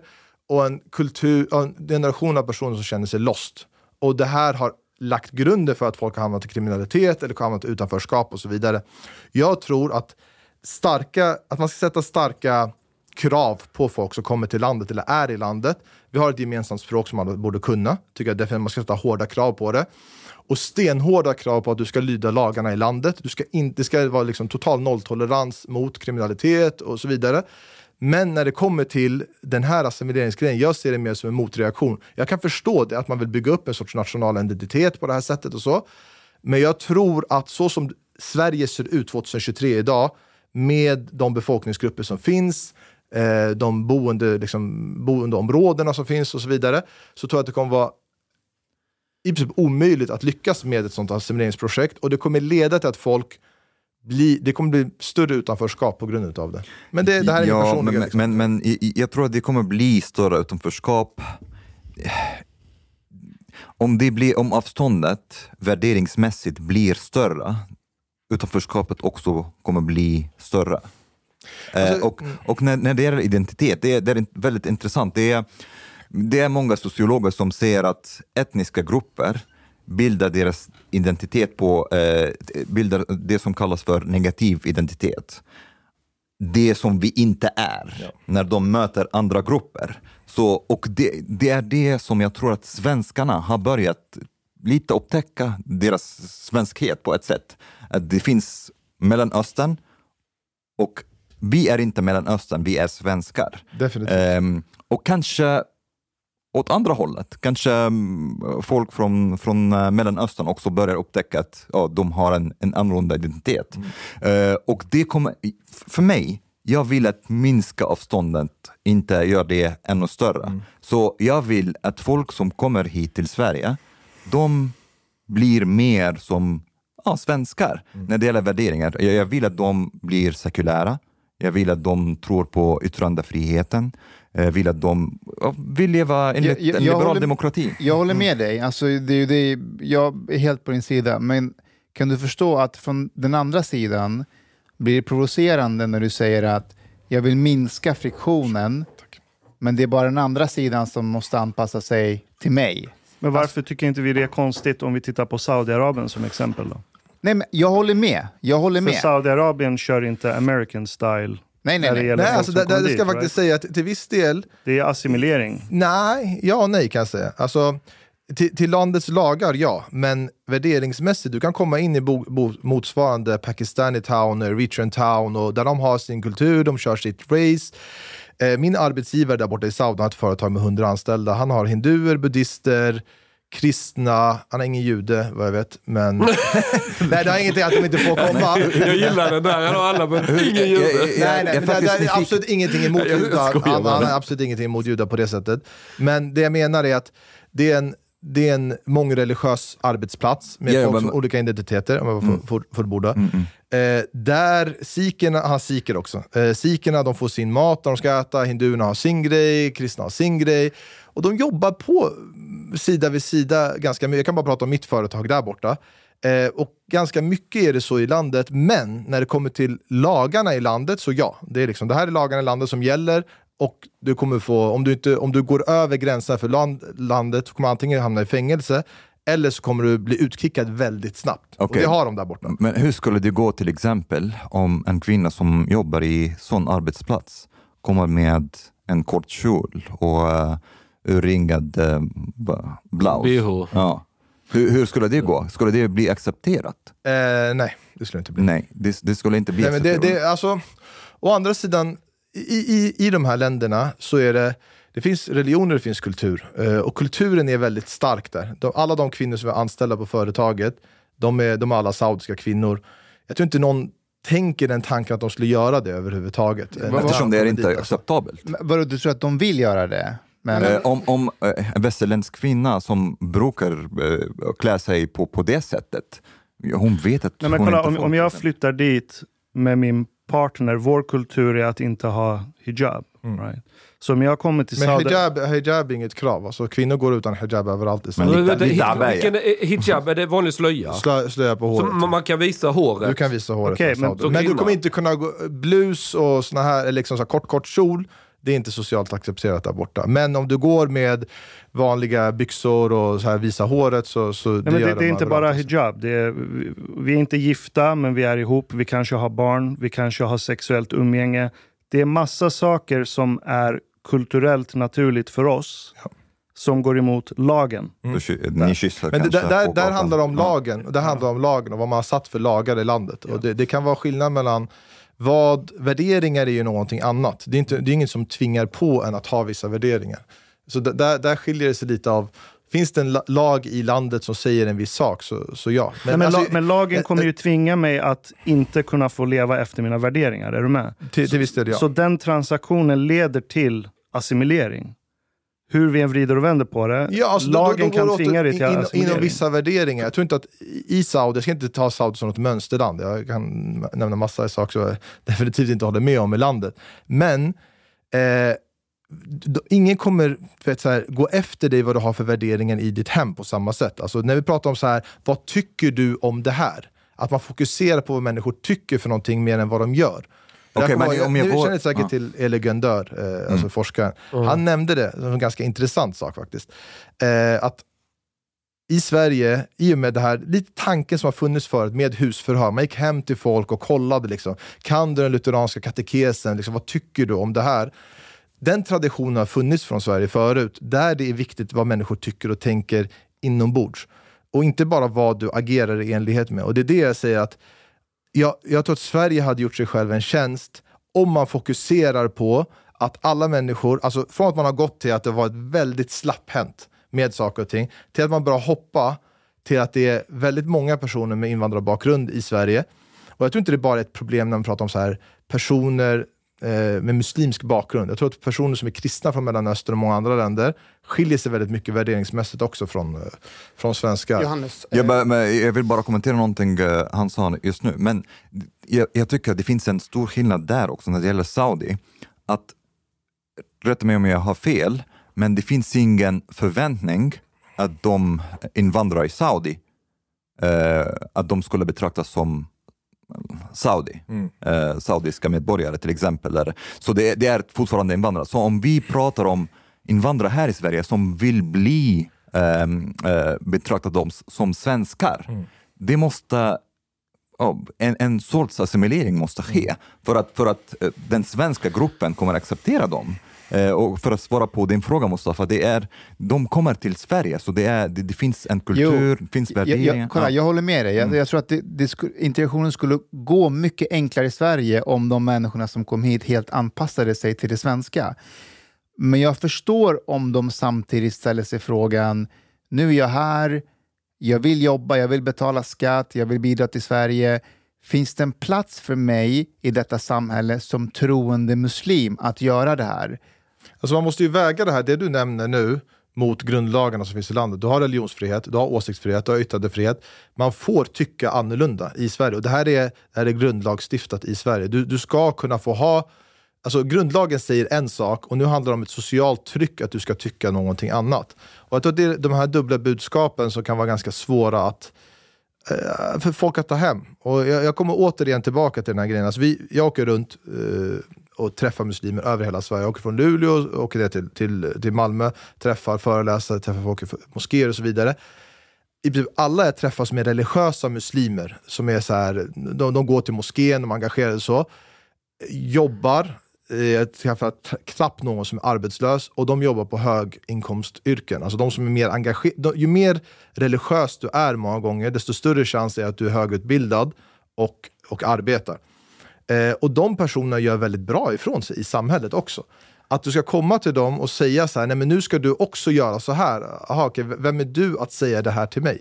Eh, grundlagen säger att jag får göra så här. Lagarna i landet säger att jag får ha andra Nej, nej, åsikter men, och tycka. men jag, jag, jag pratar inte om tvång.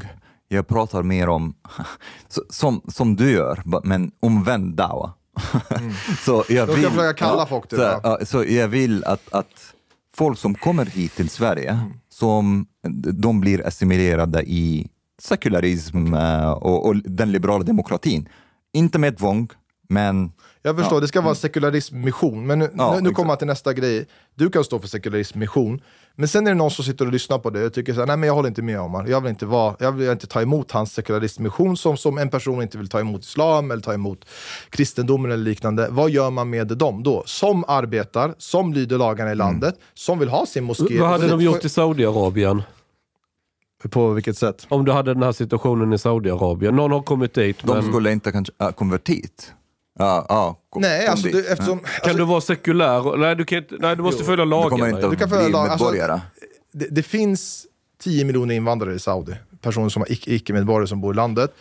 Av dem skulle jag tro, jag har inga siffror, men jag skulle tro en miljon plus två miljoner kanske som är icke-muslimer Mm. som, som, som lever där. Och så återigen, jag vill inte skönmåla Saudi på något sätt. Jag, jag ser inte, utan vi gör sorts jämförelser. Så jag vill inte måla upp det som att så här, det Saudi gör är jättebra, det Sverige gör är jättedåligt. Jag tycker många saker som Saudi gör, är, särskilt när det kommer till invandrare, jättedåligt. Men, men, Eh, Så, men jag pratar om just den här värderingsgrejen. Det är väldigt mycket när det kommer till just den här grejen. Jag kan prata om min egen arbetsplats, Mm. andra arbetsplatser jag ser. Du är kristen, du är hindu, du är sikh eller någonting. So what? Du vet, gör ditt jobb, lyd lagen i landet. Då får du vara här, kan arbeta. sikh och göra hinduer bli eh, Saudi-medborgare?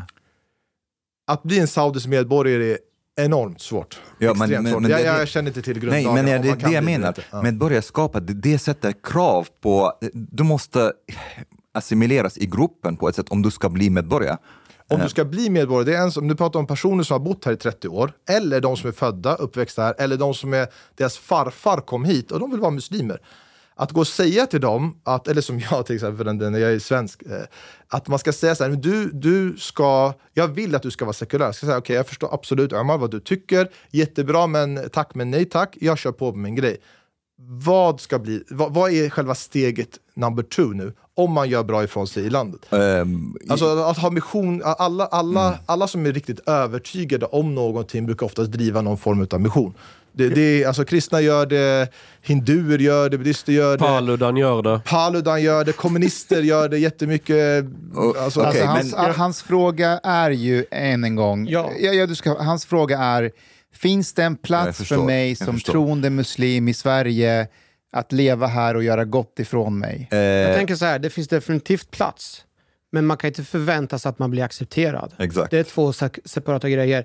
Å ena sidan så tänker jag mig om vi jämför, eh, om vi skulle se det som om vi bor i USA, så tror jag det finns väldigt stort utrymme för att vara en religiös och troende muslim och kunna göra bra ifrån sig i, i ett väldigt så här, på ett företag där man eh, frågar en specifik kompetens.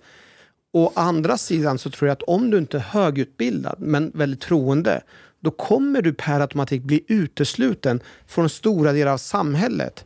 Vi pratar å ena sidan om att man ska ha för sina egna tro för sig själv och man ska kunna gå till ett jobb där det är, man har liksom en komplex, du jobbar på Ericsson.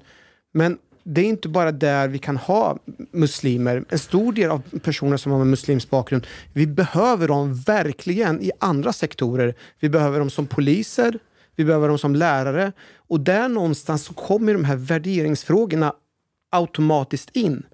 Jag håller med. Och så hur ska vi göra nu till exempel när vi har till exempel den här veckan är eh, Pridevecka.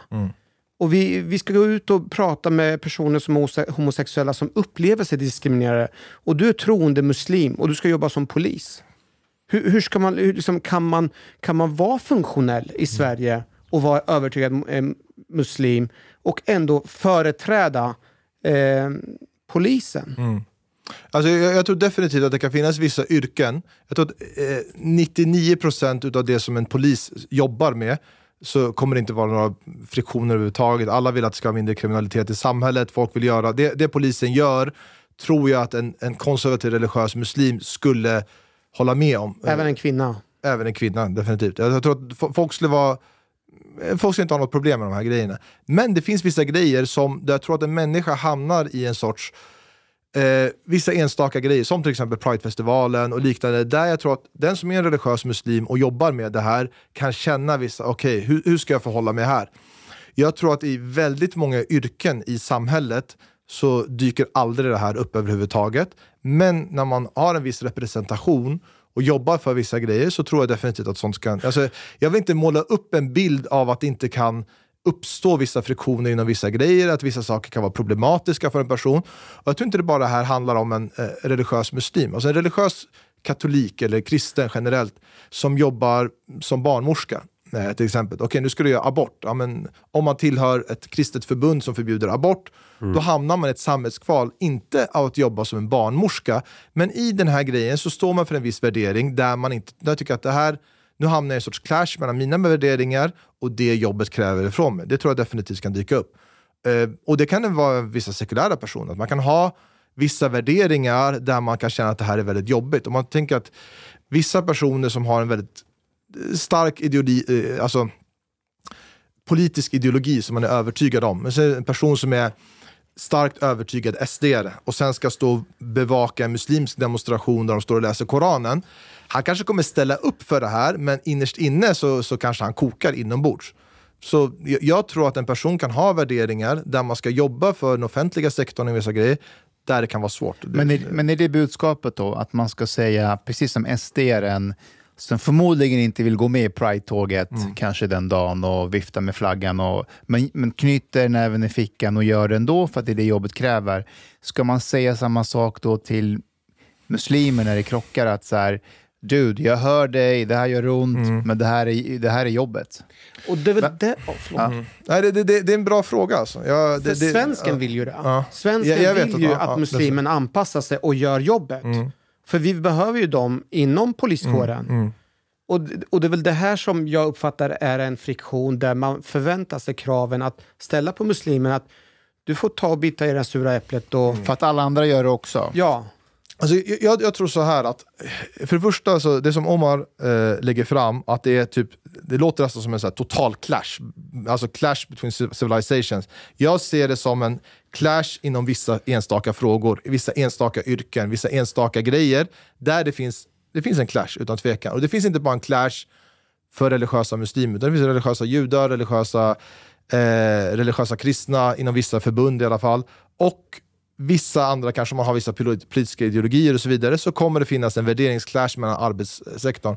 Men jag tror att man, man inte gör sig själv en tjänst när man pratar om en superclash, utan nu pratar vi om så här, så som jag säger, polisyrket, okej, 99 procent så är det no problems. Liksom. Här är det en grej som folk kanske skulle känna, nej men det här, det här vill jag inte ställa upp med. Här skulle det kunna gå antingen att den här personen knyter näven i fickan, som du säger, eller att man snackar med sin polischef och säger jag tar ett dubbelpass nästa vecka, jag jobbar ute, låt mig liksom jobba på kriminalroten med någonting. Men den här grejen, jag, jag känner mig inte riktigt bekväm med den saken. Jag tror att vissa chefer skulle vara okej med det. Jag vet inte inom polisen, men jag säger bara så inom... Eh, vissa är mer accepterande när de kommer, ah, okej. Jag kan hålla med dig, det- för vi har ju även eh, eritreaner som är kristna, som är, det här är väldigt känsligt. Mm. Och de personerna, eh, jag jobbar ju med Pride, och då säger jag så här, den här veckan när vi har Pride-paraderna, jag, jag kommer skippa, Mm. jag är ledig den här veckan på grund av privata skäl. Men jag tänkte på exemplet du tog en barnmorska. Mm. Att tvinga dem göra abort. Jag, jag, jag kan tycka det är något jävligt vidrigt. Jag tving, eh, om, du, om du har pluggat till barnmorska så vill du ju hjälpa barn komma till världen. Ja. Inte döda barn. Kanske vill hjälpa kvinnor. Och det, Ja men både kvinnor och barn. Mamman och, och, och, det där- barnen. det där Det är, en stämmer del inte, av, Chang. det är en del av jobbet. Nej, men det där stämmer inte. Att bara, du vill bli barnmorska, du vill hjälpa barn till världen. Det är inte alls det det handlar om i Sverige. Jag tror väldigt många barnmorskor blir barnmorskor Jag för att tror- de vill hjälpa barn till världen. jag tror Ja. det är många som vill hjälpa kvinnor. jag tror att Chang har faktiskt en, en, en bra poäng här. Att en person kommer in till ett arbete med en viss man, man är, man är liksom jättehype för 99% utav arbetet, eller jag vet inte hur mycket det är med abort, men en stor del av arbetet på vissa premisser. Sen när man kommer dit så kommer man clasha kanske med värderings, liksom, vissa värderingar, vissa grejer som man inte känner, det här känner jag mig inte bekväm med och så vidare. Eh, Ungefär... Ja, nej men jag- alltså, jag, jag är väldigt så här, jag ogillar aborter. Det är inte så att jag säger att uh, stena de som begår aborter eller vi ska förbjuda i lag eller något sånt. Utan jag tycker mer bättre att övertyga människor varför det är fel. Du är en uh, missionerande anti-abort uh, Ja, Du gör dawa jag, jag är smygislamist ibland. Okej, okej. Ja. Trevligt. Welcome to the club. Nej men, och jag har sett den här debatten om, om det var ju barnmorskor som protesterade mot detta och jag sympatiserar med dem. För det blir så konstigt. Barnmorskans roll är ju att hjälpa barnet komma ut levande och förlossningen ska gå bra. Det, var inte, det, det har inte varit historiskt jobbet att du ska döda barnen. Men nu har några, några feminister och andra kvinnorättskämpar bestämt att jo, det här ska också ingå i yrket och nu ska ni alla tugga i er det, annars får ni inte jobba med det. Jag tycker det är också en sån här... Alltså, jag, jag köper att det är en del av yrket. Det, det som irriterar mig me- mest är att man, man tycker att, att frågan är enkelt. Alltså att det är en kvinna som känner så här, vänta nu, en abort i sån sen vecka. Det känns som att det krockar med, med varför jag sökte mig till det här jobbet. Att man börjar ifrågasätta.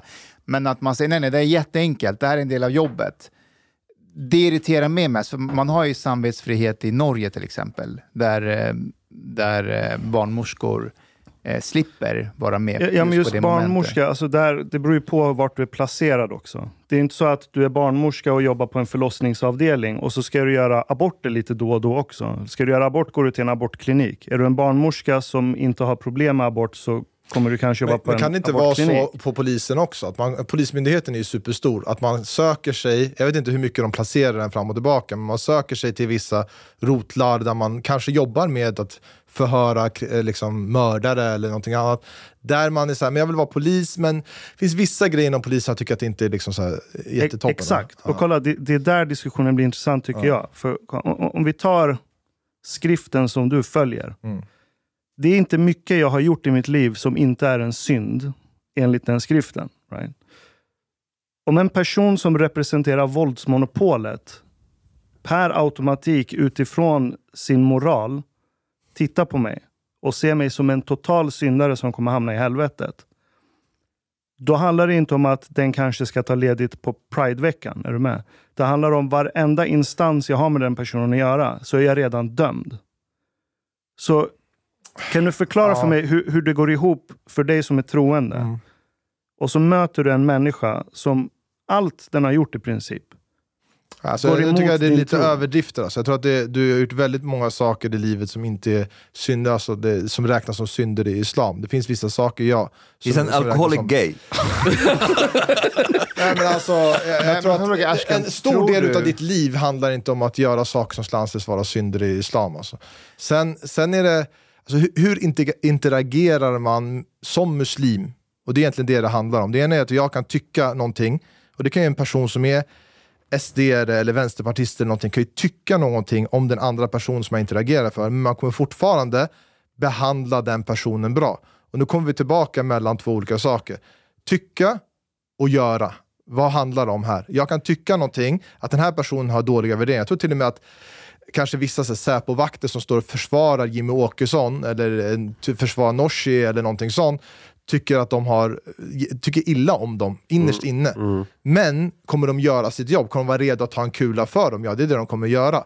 Och här tror jag att det går tillbaka till tycka och behandla. Jag kan bara prata om mig själv, jag kan prata om folk som jag känner. Kommer de att behandla de personerna bra? Kommer de att be, bete sig väl? Ja, och det, enligt den förståelse jag har av islam är att man ska göra det också. Jag ska inte behandla dig illa för att du dricker alkohol, för att du har en flickvän eller någonting sånt, utan tvärtom. Men, men tror du att de här kristna eritreanerna eller någon muslim i, i, inom kåren som säger att jag tar gärna ledigt den här helgen med Pride, jag vill, liksom, jag vill inte vara med personligen själv. Tror du att de tänker det där är en massa syndare som kommer brinna i helvetet, jag vill inte ha någonting med dem att göra? Eller är det mer liksom så här, äh, det känns bara inte helt okej? Jag tycker det är väldigt absurt att du tar ledigt en vecka där du ska stå upp för grundlagen i Sverige. Och du representerar våldsmonopolet. Det för mig är absurt. Om vi ska prata om att följa lagen. Om det är det som är Så grunden. polisen ska tvingas tjänstgöra under Pride? Om du inte kan försvara svensk lag så ska du inte vara polis. Men däremot, å andra sidan är det inte en mänsklig rättighet att vara polis heller. Jag, jag säger inte att du inte får vara muslim i Sverige. Däremot ser inte jag något problem med att, att vara väldigt troende muslim kanske går emot att försvara svensk grundlag. Men det betyder att jag vill kasta ut alla muslimer ur samhället. Men i, i, ibland känns det som att prideflaggan är viktigare än den svenska flaggan i det här Så jag, landet. jag har bott på Scandic, jag bodde på Scandic nu, jag var på en resa. Och det, det, var, det var ingen svensk flagga utan jag, det, var Nej, det det fanns ingen svensk flagga utanför. För mig är det ganska märkligt om man ska vara helt ärlig. Alltså i ett land när man försöker bygga en nationell identitet, kring vad? Är det kring svenska flaggan eller kring prideflaggan? Eh, men det är en annan diskussion. Men- men- men är det. Nej, det är faktiskt inte en annan. Det är faktiskt en jättecentral och relevant diskussion. För det in, ingår ju identitetsfrågan. Ja. Och är det någonting som vi vill förenas i, här i Sverige i bakom en tydlig identitet. Och därför så blir det ju väldigt förvirrande när vi pratar just om prideflaggan och så. För det blir ju det blir förvirrande. Och framförallt för människor som kommer hit och ska vi krä, avkräver dem att de ska anpassa sig. Alltså, att, vad är det vadå? Alltså prideflaggan att... Ja, den finns ju inte i svenska flaggan. Ja, alltså, du kommer utanför, om du kommer utanför ett hotell, eh, Grand Hotel tror jag till och med, inne i stan eller andra länder, så kommer du hitta landets flagga finns där och ibland flaggan utav de, de länderna som de flesta besöker ifrån. Eh, alltså man har kanske amerikanska flaggan eller någonting annat kan det vara på, på stora hotell. Men att man har det utanför eh, ett hotell där det inte finns svenska flaggan överhuvudtaget, där man bara kör den. Och det, det är inte bara där att Scandic körde den här grejen, utan det finns många andra ställen att man har gjort den flaggan ibland antingen likställd i princip med den svenska, att om den ska finnas där ska där, den Mm. flaggan finnas. Eller att det nu, som i det här exemplet, bara den flaggan fanns. Jag, jag tror också att det... de, de, alltså, jag är uppväxt i Sverige. När jag växte upp så fanns inte det här överhuvudtaget. Nej. Alltså det, det, här, det här är någonting ganska nytt i Sverige, att man gör på det sättet. Ja, det är modernt. Jag tycker att när vi pratar om värderingar, det kanske kan också bli lite ytligt Mm. när vi säger att ah, men, äh, den personen kan fortfarande göra jobbet. Men det handlar inte bara om det, det är inte den ytliga konsekvensen. Vi, det finns en mänsklig aspekt eh, och identitetsaspekt. De, det är viktigt att folk som kommer hit och vill bli svenskar blir accepterade som svenskar av svenskarna. Eh, annars kommer det bli utanförskap och det finns många dåliga konsekvenser när det är med utanförskap. Men Förstår du ha, vad ha, jag- jag, jag förstår Okej. Du har lyssnat så här långt. På sista måltid. En mycket fin radioprogram i Sverige. Du tycker det är mycket trevligt. Men, min vän, lyssna på mig nu. Du har inte betalat biljett på klubb sista måltid. De har blatte grabbarna de behöver pengar. Flis. Lax. Stolar. Dyra bilar. Lyxhotell. Du vet. De måste du betala om du ska lyssna mer. Du får många fler avsnitt också. Paket erbjudande, helt enkelt. Läs i beskrivning för avsnitt, där det finns information för att bli medlem på klubbista måltid. Det kostar som en mycket liten kaffe latte ute på torget. Per månad. Lätt som en plätt. Tack,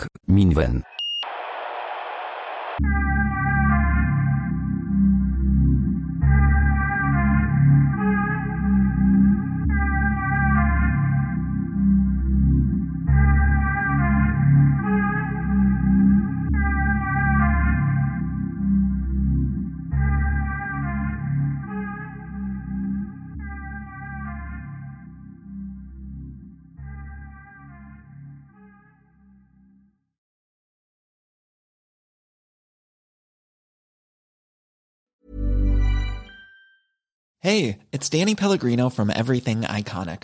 Ready to upgrade your style game without blowing your budget? Check out Quince. They've got all the good stuff shirts and polos, activewear, and fine leather goods, all at 50 to 80% less than other high end brands. And the best part? They're all about safe, ethical, and responsible manufacturing. Get that luxury vibe without the luxury price tag. Hit up quince.com slash upgrade for free shipping and 365 day returns on your next order. That's quince.com slash upgrade. Ever catch yourself eating the same flavorless dinner three days in a row? Dreaming of something better? Well, hello fresh is your guilt-free dream come true, baby. It's me, Gigi Palmer. Let's wake up those taste buds with hot, juicy pecan-crusted chicken or garlic butter shrimp scampi. Mm. Hello Fresh. Stop dreaming of all the delicious possibilities and dig in at HelloFresh.com. Let's get this dinner party started. Planning for your next trip? Elevate your travel style with Quince. Quince has all the jet setting essentials you'll want for your next getaway, like European linen, premium luggage options, buttery soft Italian leather bags, and so much more. And is all priced at 50 to 80% less than similar brands. Plus, Quince only works with factories that use safe and ethical manufacturing practices. Pack your bags with high-quality essentials you'll be wearing for vacations to come with Quince. Go to quince.com/pack for free shipping and 365-day returns.